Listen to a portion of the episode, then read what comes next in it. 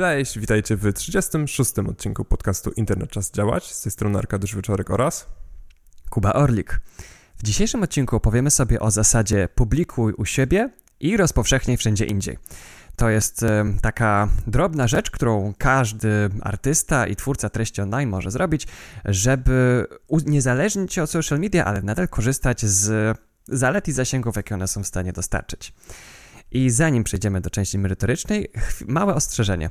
Dzisiaj robimy odcinek w postaci hybrydowej. To znaczy, że intro będzie nagrane w postaci wideo, które osoby, które nas oglądają na wideo właśnie widzą, a po intro odcinek będzie tylko w postaci audio z wizualizacją. Zdecydowaliśmy się tak zrobić, żeby trochę odciążyć Arkadiusza i umożliwić mu um, skupianie się na, robieniu, na robieniu większej ilości odcinków, a, a zamiast e, na edytowaniu wideo, co jest bardzo czasochłonne i z tego co słyszymy, mało osób włącza nasze odcinki po to, żeby zobaczyć na detale naszej mimiki e, i e, nasze twarze w 4K, tylko raczej tak jak mamy nadzieję, przychodzicie dla treści i wiedzy, którą dostarczamy.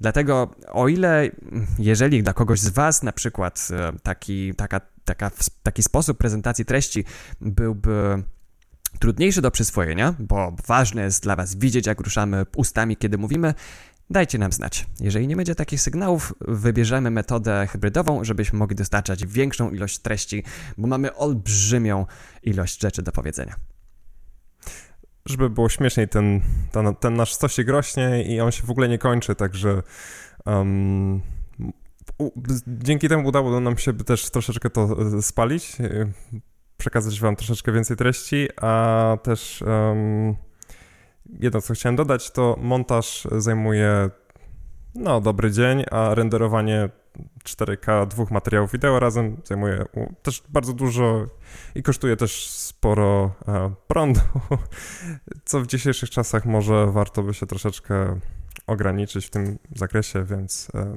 dla nas też byłoby to bardziej komfortowe, jeżeli cały odcinek będziemy nagrywać po prostu przy biurku, siedząc przy biurku, tak jak normalnie pracujemy, bo to też jest um, takie troszeczkę naturalniejsze niż e, siedzenie na stołku i mówienie prosto do kamery, także, e, no ale dajcie znać, zrobimy tak jak otrzymamy od was głosy, więc jeżeli komuś bardzo zależy, piszcie do nas komentarze, a jeżeli nie będzie tego odzewu, no to uznamy, że hybrydowe odcinki są wystarczające i w tym momencie możemy przejść już do naszego odcinka.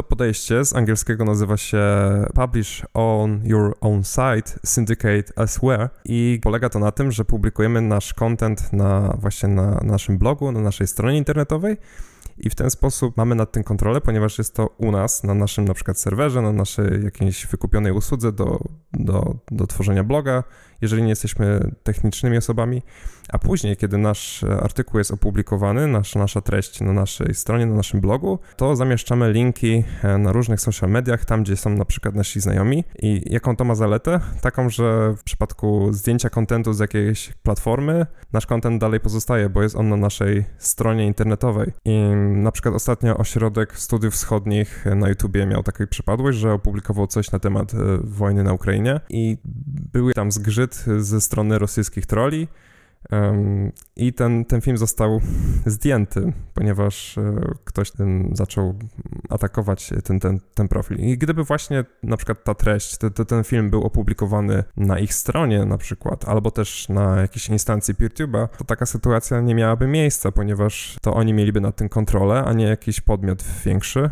No i tutaj właśnie te podejście, w którym publikujemy coś na, na swojej stronie, a tylko wysyłamy zamieszczamy jakieś posty na, na innych social mediach, żeby utrzymać dostęp do naszych treści, ale żeby też informować i żeby to się rozpowszechniało, jest lepszym podejściem niż poleganie na jakiejś jednej zamkniętej platformie, gdzie ktoś z góry arbitralnie może zadecydować to, żeby na przykład ten content, czy naszą treść, nasze konto zablokować. Tak, bo generalnie so, no, bardzo duża ilość zalet tego rozwiązania, które opisujemy, opiera się o to, że firmy takie centralne jak YouTube, Facebook, Instagram właściwie nie mają żadnego nadzoru, jeżeli chodzi o usuwanie treści. Są zbyt duże, żeby robić faktyczną moderację i, no, i te ich narzędzia są niedoskonałe, operają się często na jakichś automatycznych systemach podejmowania decyzji, a, których e, no, no, nie można odwoływać się na przykład do tych decyzji, albo proces odwoływania się jest bardzo trudny. No, stoimy, mhm. wszystko działa, wszystko jest fajnie, póki no póki wszystko działa, ale w momencie, w którym na przykład jakiś autor wrzuca na YouTube'a swoją własną muzykę i YouTube ją zdejmuje za naruszenie praw autorskich, um, no to wtedy okazuje się, że ten autor ociera się o, o taką wielką ścianę Google'a bez żadnej twarzy, bez żadnego kontaktu i, i, i ma bardzo ograniczone pole do działania, jeżeli chodzi o odwoływanie się. Więc e, w takich sytuacjach właśnie, w którym ktoś opiera całą swoją cyfrową tożsamość na jakiejś korporacji, um, nad którą nie ma kontroli, no to um, ryzykuje to, że ta tożsamość może zostać bardzo łatwo wymazana i nie będzie mógł z tym nic zrobić.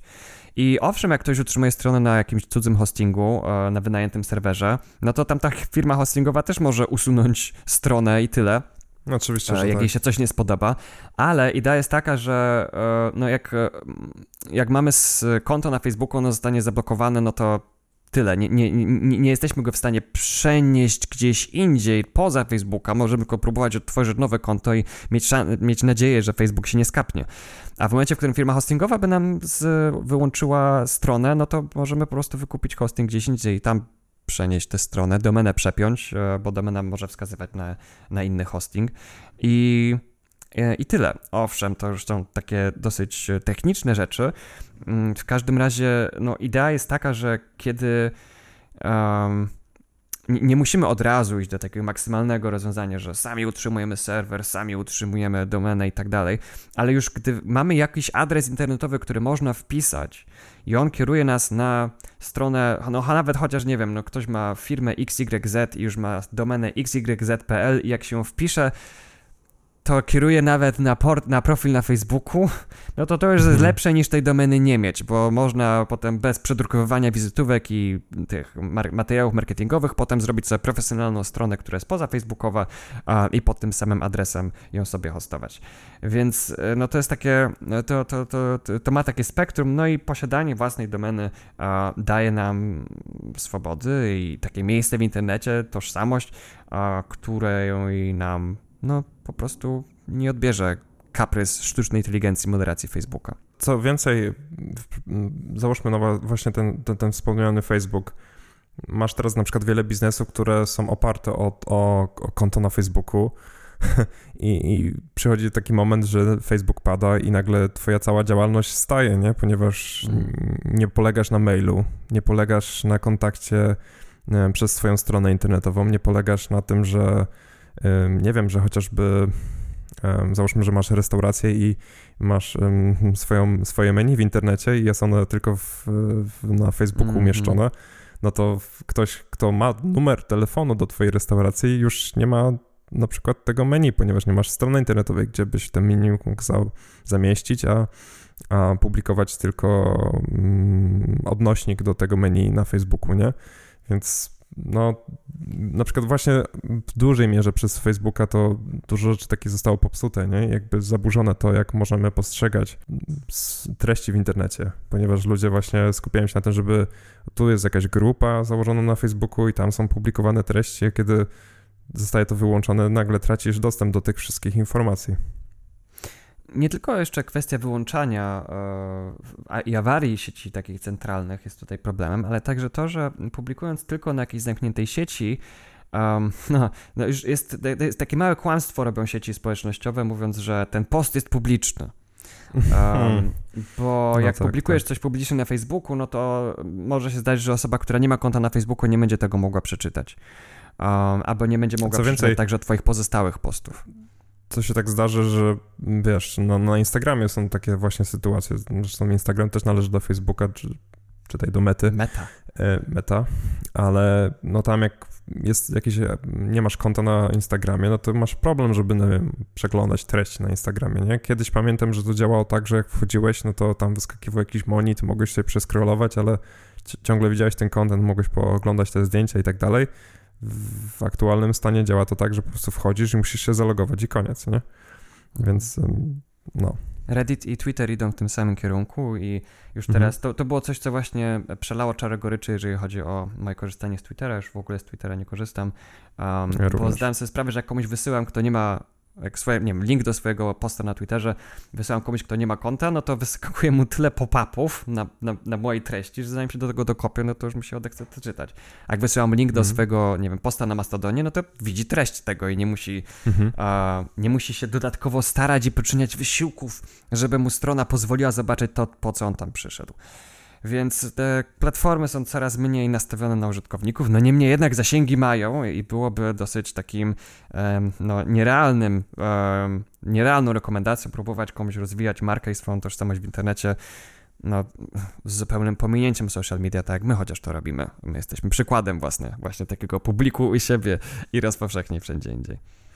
No właśnie też wspomniałeś o tym, o tym Twitterze, to zrobiliśmy jakiś czas temu w listopadzie zeszłym roku, o, czyli rok temu ponad, e, prawie rok temu, hmm. taki odcinek, czy taki artykuł, który możecie znaleźć, nazywa się Nie da ci web, nie da ci Play Store, tego co może dać ci alternatywna apka, no to tam wspomnieliśmy o Niterze, to jeżeli chcecie komuś na przykład wysłać link twitterowy i nie wiecie, czy ta osoba ma konto i zostanie zasypana, jeżeli nie będzie miała konta właśnie tymi pop-upami, to możemy na przykład skorzystać z Nitera, takiej instancji jak niter.net, i przekleić wszystko to, co dalej jest w linku od Twittera, więc po prostu zamieniacie twitter.com na niter.net i w tym momencie ten alternatywny frontend wczyta te, te, te, te, tą treść z Twittera i wyświetli to w jakiejś bardziej przystępnej formie. Jest taka jeszcze opcja, ale jeżeli Dopóki Twitter... Twitter prostu, będzie na to pozwalał. Dokładnie, no właśnie, wy, wyrwałeś mi to już z ust. e, mówiliśmy wtedy też o bibliogramie, który już teraz no, został porzucony, jeżeli chodzi o jego, jego rozwój, ponieważ e, jakby Instagram w dużej mierze bardzo utrudniał poprzez swoje zmiany API i różnego rodzaju zabiegi, żeby tych treści nie dało się pobierać, jeżeli nie, pobiera, nie, nie posiada się konta. No i niestety bibliogram już też, z tego co wiem, nie działa. A to też był alternatywny frontend dla Instagrama i tam mogliśmy wtedy bez problemu sobie przeglądać te treści bez konta na Instagramie. I martwi mnie też fakt, nie tylko, że wielu artystów um, czy restauracji kluczowe dla mnie informacje trzymają w miejscu, do którego nie mam dostępu bez akceptacji polityki prywatności Facebooka i zakładania tam konta. Mhm. Mm, dużo grup aktywistycznych też tak ma. I w momencie, w którym chcesz się zaangażować społecznie, okazuje się, że stoi na drodze blokada w postaci hej, musisz mieć konto na Facebooku.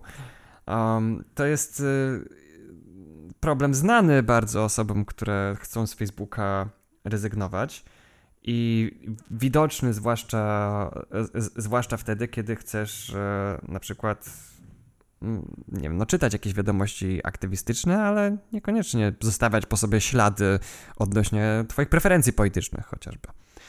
Więc y, jakby organizowanie aktywistów na, na Facebooku, no okej, okay, no ma sens, bo podobnie zasięgi ale no to jest takie błędne koło, no bo poleganie tylko na tych zasięgach wyklucza niektóre osoby i nie otwieranie się na, na osoby poza facebookowe, no może nieznacznie, może znacznie zależy od, od, od misji, jaką dany, dana grupa aktywistyczna by miała, e, zmniejsza ilość osób zaangażowanych, um, a, a dodatkowo no jeszcze no, naraża te osoby na cały czas, na, które są na Facebooku, na cyfrową inwigilacja cały czas, no bo to jest to, na czym Facebook zarabia.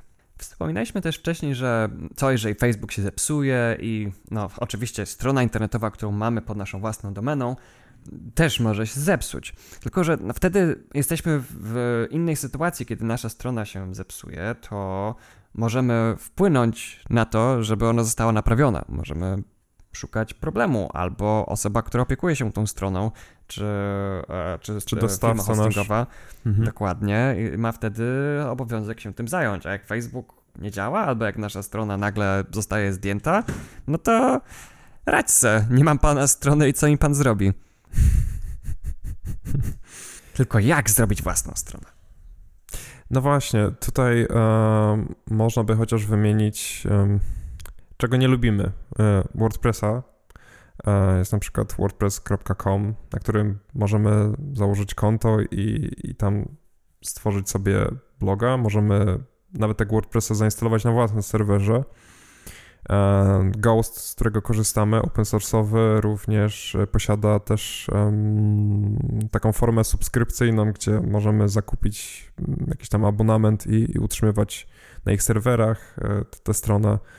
Więc no jeżeli mamy za właśnie zacięcie techniczne, no to możemy zacząć tworzyć strony. Nawet nie musi być to jakieś narzędzie, w sensie fizycznie WordPress, czy, czy Jekyll, czy Hexo, czy Ghost, czy jakieś inne narzędzie do blogowania. Możemy to nawet robić w czystym HTML-u i po prostu e, tak jak na lekcjach informatyki, o ile jeszcze w ogóle takie rzeczy się uczy w szkołach, jak tworzyć strony internetowe. Za moich czasów, e, czy tam za naszych czasów, bo jesteśmy w tym samym wieku z Kubą, były lekcje HTML-a na, na, na, na lekcjach. Ja nie e, miałem. No to widzisz, to ja miałem też szczęście, że, ja jestem, że nie, były. Ja jestem słoma w butach. Czyli pewnie miałeś zajęcia z Excela, Word, Worda i innych takich rzeczy Microsoftowego bullshitu. No tak, tak, tak, tak. No, Była ale właśnie i to było całkiem spoko, ponieważ oczywiście te strony nie były piękne i jeżeli się ktoś nie wgryzie w, te, te, jakby w ten temat cały web development, no to e, no, może tworzyć po prostu stronę, która nie ma styli, a ma semantykę, w sensie jest łatwo czytalna przez czytniki RSS-ów, przez e, takie czytniki dla osób, które e, są niewidome na komputerze i tak dalej, więc można po prostu tworzyć gołą stronę w HTML-u. Jeżeli nasza treść będzie atrakcyjna, to jakby warstwa wizualna to jest jakby drugorzędna sprawa. E, takie, takie jest właśnie trochę Gemini, nie? Więc e, o którym też kiedyś wspominaliśmy, gdzie jakby istotą jest treść, którą publikujemy, a nie to, jak to wygląda, ponieważ każdy może sobie to dostosować do własnych potrzeb. Tak, tam, tam właśnie nie, nie zachwyca się formą, tam się zachwyca treścią. I sam wiem, że chyba najpopularniejsza rzecz, jaką kiedykolwiek napisałem w internecie, to jest artykuł na moim osobistym blogu, na którym opisuję, jak um, złożyć wniosek do Ministerstwa Cyfryzacji ePUAP-em um, o, o, to, że się nie ma, takie oświadczenie, że nie mam smartfona i nie mogę zainstalować aplikacji do, e, do kwarantanny, jak, jak jesteśmy na kwarantannie covidowej. A to mi tam mhm. ludzie z, z, podziękowaniami przychodzą i tak dalej. Um, niektórzy mi próbują wysyłać maila na mój nick mastodonowy, ale mm. no, tam licznik wyświetleń szaleje, a to jest po prostu czarny tekst na białym tle i, i, i nic więcej, nie?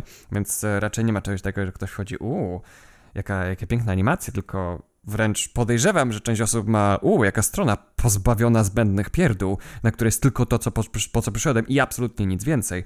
Um, mm -hmm. Mam mhm. nadzieję, że dla wielu osób to jest odświeżające zamiast e, w, wprowadzające w zmieszanie.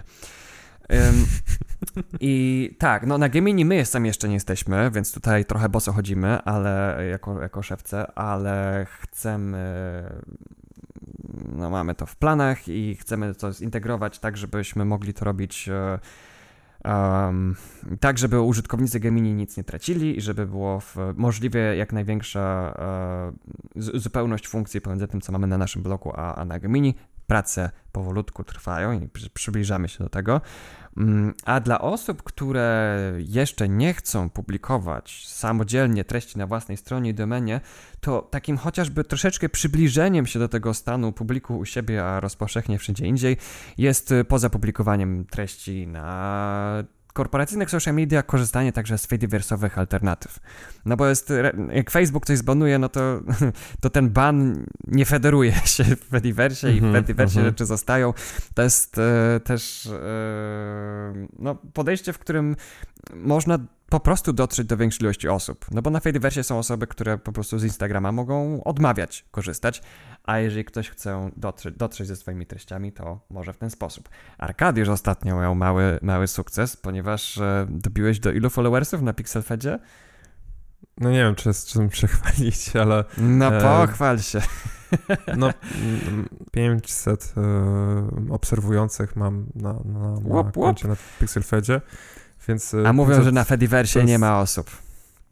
Nikt no właśnie, nie? I, same, i, nie? Nikogo. I, I też jakby już pal licho od te liczby, jakby ilość komentarzy i, i, jakby pozytywnego feedbacku, czy też negatywnego albo konstruktywnego na temat zdjęć, które publikuję, jest całkiem, całkiem satysfakcjonujące dla mnie, więc jakby to jest takie orzeźwiające i tak dalej. I Arkadiusz też ze stałego konta zostało wyróżnione przez konto Fedi Follows, e, które publikuje różnym innym osobom e, te e, takie warte followowania kont, więc mały sukces, warty celebracji. Tak. Tego nie widać, bo nie kręcimy wideo, ale tak bije brawo w powietrzu, nie do mikrofonu, żeby nie klipowało. A właśnie, jeszcze tak wspomniałeś odnośnie tego interfejsu użytkownika i, i, i o tym takim, że masz to na, na, stronie nic nie masz i tak dalej. Mhm. Ja uważam, że taki, że najlepszy interfejs użytkownika to taki, który jest e, niewidoczny i niezawodny. Typu mhm. właśnie wiesz, że odpalasz stronę i to się nie wysypuje, a że łatwo ten content jest przetworzyć, w sensie, że wiesz, jak jest struktura na stronie taka zamieszczona, jaka powinna być, to, to, to, to działa wręcz cudownie i szybko. No teraz masz takiego Twittera, gdzie ładujesz y, jego, jego klienta webowego, nie wiem, na telefonie i no, sam wiesz, jak, jak to fantastycznie działa. E, wiesz, ten, ten, ten, niby ten interfejs się dostosowuje do, do, do twojej jakby rozdzielczości ekranu, ale oczywiście te pop-upy i te wszystkie rzeczy się zasypią na tym ekranie i, i dalej ten konsumowanie tego tweeta czy tej treści to jest utrudnione, nie? No i też jakby przychodzi mi też, jak myślę o Twitterze, bo wiesz, yy, publikowanie treści na Twitterze też mnie troszeczkę mm, denerwuje pod takim względem, że jeżeli chcesz coś dużo powiedzieć, to, to Twitter nie jest dobrym miejscem do tego, żeby dużo powiedzieć. W sensie na przykład wielu polityków i, i, i tak sobie obserwuję um, na przykład niektóre dramy w, w internetach takie polityczne, no to na przykład, że ktoś miał coś na myśli, ale że miał 280 znaków do dyspozycji, czy tam, nie pamiętam teraz mhm. dokładnie ile jest, bo już z Twittera nie korzystam, więc, no ale mniej więcej, jakaś ograniczona liczba, stosunkowo mała, mieszcząca dwa SMS-y, chce coś przekazać bardzo, wiesz, jakimś elaboratem i, i wychodzi na jakieś skróty myślenio, myślowe i wtedy nagle powiedział to, co nie chciał powiedzieć, albo, wiesz, i jakby w drugiej mierze uważam, że właśnie tutaj lepszy jest blog, czy gdzieś, gdzie możesz po prostu napisać tyle, ile chcesz. To nie zajmuje dużo. Tekst to jest coś, co zajmuje najmniej na komputerze. I nie jesteś ograniczony sztucznie przez jakiś interfejs do tego, żeby napisać więcej. Albo nie musisz tworzyć nitek, które wiesz, na przykład nitka pierwsza i tam tworzysz 300 sobie odpowiedzi twitterowych, bo te twoje myśli muszą się splątać w jedną całość, ale to, nawet ciężko dla mnie osobiście, jak na przykład przeglądam takie treści. Sam też na Mastodonie na ostatnio napisałem jakąś tam coś na temat fotografii analogowej, którą się interesuje. Nitkę i to były cztery wiadomości bo tam chyba jest 1000 znaków albo 500 znaków w jednej wiadomości, to i tak jest więcej niż na Twitterze, ale też się nie mogłem zmieścić, nie? I tak zacząłem właśnie rozkminiać, nawet napisałem na Mastodonie, czy, czy nie warto, żebym założył bloga albo jakiś kanał, albo coś w, w tym kontekście, jakieś miejsce, gdzie bym dał upust, y, nie taki zdjęciowy, bo, bo to publikuję na Pixelfedzie, tylko właśnie taki, jak to powiedzieć, artykułowy, nie? Typu właśnie coś opisuję, jakby jakieś takie moje spostrzeżenia na temat fotografii i tak dalej. I w, w, tym kontekście, jakbym miał to robić na Twitterze, to w ogóle to by było czyste zabójstwo, nie? Bo no, no ciężko, ciężko takie rzeczy przed, mm, publikować, a też masz przykład, y, nie wiem, Instagrama na przykład, nie? Gdzie osoby chcą przekazać więcej treści i, i wrzucają napisy na ekran, w sensie film, jakąś taką animację, wiesz, i to znowu mhm. to jest złe, ponieważ jest niewidoczne dla osób, które mają utrudniony dostęp do korzystania z komputera, nie? Bo na przykład nie ma tam alternatywnego tekstu, nie ma tam um, jakiejś transkrypcji i tak dalej, więc no to jest Tak, fatalne. mi się podoba, jak są właśnie jakieś dramy i ktoś zabie, za, zajmuje jakieś stanowisko i to stanowisko publikuje na Instagramie w postaci serii filmików, w których mówi do kamery i są napisy, żeby osoba, która ogląda to w toalecie publicznej, nie chce, żeby, wiesz, osoby w po, po sąsiednich e, w stanowiskach słyszeli, że ktoś coś ogląda, no to żeby sobie mógł chociaż to przeczytać, no.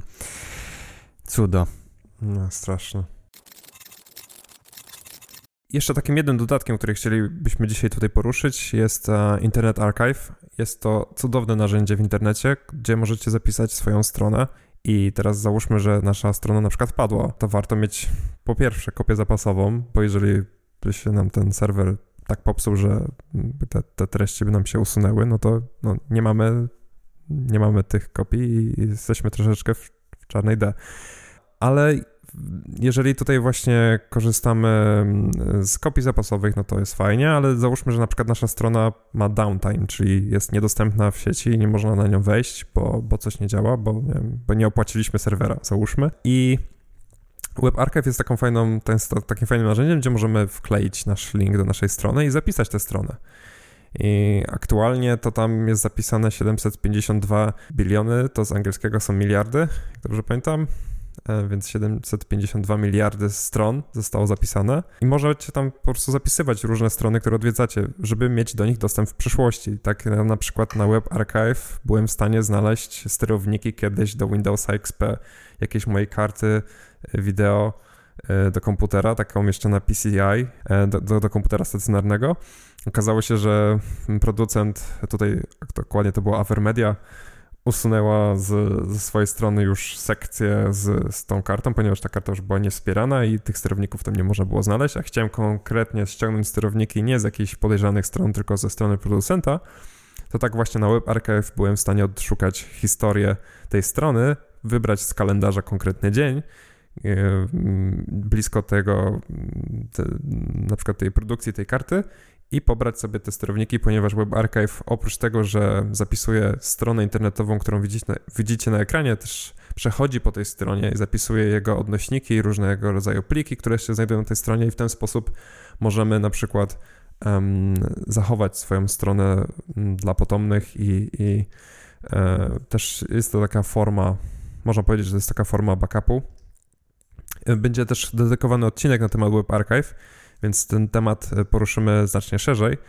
Mm, warte tutaj jest jeszcze do dodania to, że możecie zainstalować taką wtyczkę do swojej przeglądarki, która automatycznie e, będzie zapisywać strony, które jeszcze nie są na Web Archive, albo, albo aktualizować to, więc e, to też jest fajne, bo no czasami się po prostu przydaje. Czasami strona jest niedostępna, a wiecie, że jest tam jakaś treść, którą chce, chcecie mm, odczytać, czy też znaleźć, doczytać, to na Web Archive jest duże prawdopodobieństwo, że ich crawler czy ktoś, e, czy ktoś ręcznie zgłosił tę stronę, żeby ona się zapisała i tak możecie właśnie przeglądać. Na przykład możecie wejść, wpisać tam e, wirtualną Polskę i zobaczyć, jak wyglądała wirtualna Polska, która jeszcze szanowała użytkowników i, e, i ich czas i wyświetlała treści w bardziej przystępny sposób niż to jest dzisiaj. Można na przykład obejrzeć, jak wyglądało Allegro sprzed 10 lat, więc fajne, fajne rzeczy i też taka trochę nostalgia. Już nieraz e, też e, więcej niż raz klientowi pomagałem odzyskać treści z, e, z porzuconej mm. strony admin, nie wiadomo gdzie jest, nie odpowiada na maile już od lat, strona padła i co mamy robić? I ten, i przyjeżdża Kuba na białym koniu, wpisuje web.archive.org i tam znajduje, jest, o, panie, Ło, to wszystko tu jest, jest kopia zapasowa internetu, ło, no. Więc e, oczywiście lepiej mieć kopię zapasową i nie polegać na Web Archive, to jest non-profit. Um, tak, tak. I, i, e, ale no, jego misją jest skopiowanie całego internetu i posiadanie jego kopii, więc jeżeli tworzycie jakąś treść, która jest w internecie i jeszcze jej w Web Archive nie ma, to Web Archive się nie obrazi, jeżeli ją tam zgłosicie do zachowania tam na stałe. Z ciekawości właśnie wpisałem um, internetczasdziałać.pl i nasza strona została zapisana 40 razy w Web Archive pomiędzy 22 stycznia 2021 a 15 września 2022. I jest taki kalendarz, możecie sobie te snapshoty tam zobaczyć, jak na przykład wyglądała strona, e, bo też e, nasz e, Możecie layout... wypatrzeć, jakie literówki poprawialiśmy po, po, po tak, tak, tak, tak, publikacji. Nasz layout też się zmieniał w międzyczasie, więc no jest, jest to na pewno, na pewno całkiem, całkiem fajne i, i przydatne też narzędzie i też e, spoiler, w kolejnym odcinku opowiemy też jak dojdziemy do Web Archive, a prawdopodobnie kolejny odcinek będzie o Web Archive. Będziemy też e, poruszać różnego rodzaju self-hostingowe rzeczy związane z właśnie takim zapisywaniem stron. Dobra, nie zaspoiluj za dużo, bo nie przyjdą nam na następny odcinek. Myślę, że wystarczająco już zaspoilowałem. Zajawkę zrobiłeś, no wiem. Tak, tak. Dobrze. Myślę, że dopłynęliśmy do brzegu, prawda? Dopłynęliśmy, tak. Wbrew ilości problemów technicznych, jakie dzisiaj mieliśmy, dopłynęliśmy Mhm. zamiast dobrnąć do brzegu. No, mała ilość ramu czasem, czasem jest... Um... Ej, mam 16 GB, odczep się. Po prostu Jesteś- Audacity nam dzisiaj robi wycieki pamięci. Tak, tak. Kuba w międzyczasie debugował, co, co się dzieje, ale dobrze. E, Jeżeli podobał Wam się ten odcinek i chcecie wesprzeć nas e, finansowo albo w jakiś inny sposób, napiszcie do nas. Możecie nas wesprzeć poprzez Patronite, e, LiberaPay albo za pomocą przelewu. Mamy na Patronite różnego rodzaju cegiełki. Są to cegiełki 3, 7 i 14 złotowe. W przypadku największej cegiełki wyczytujemy osoby z imienia, nazwiska, czy też z nazwy, którą podali na naszym podcaście.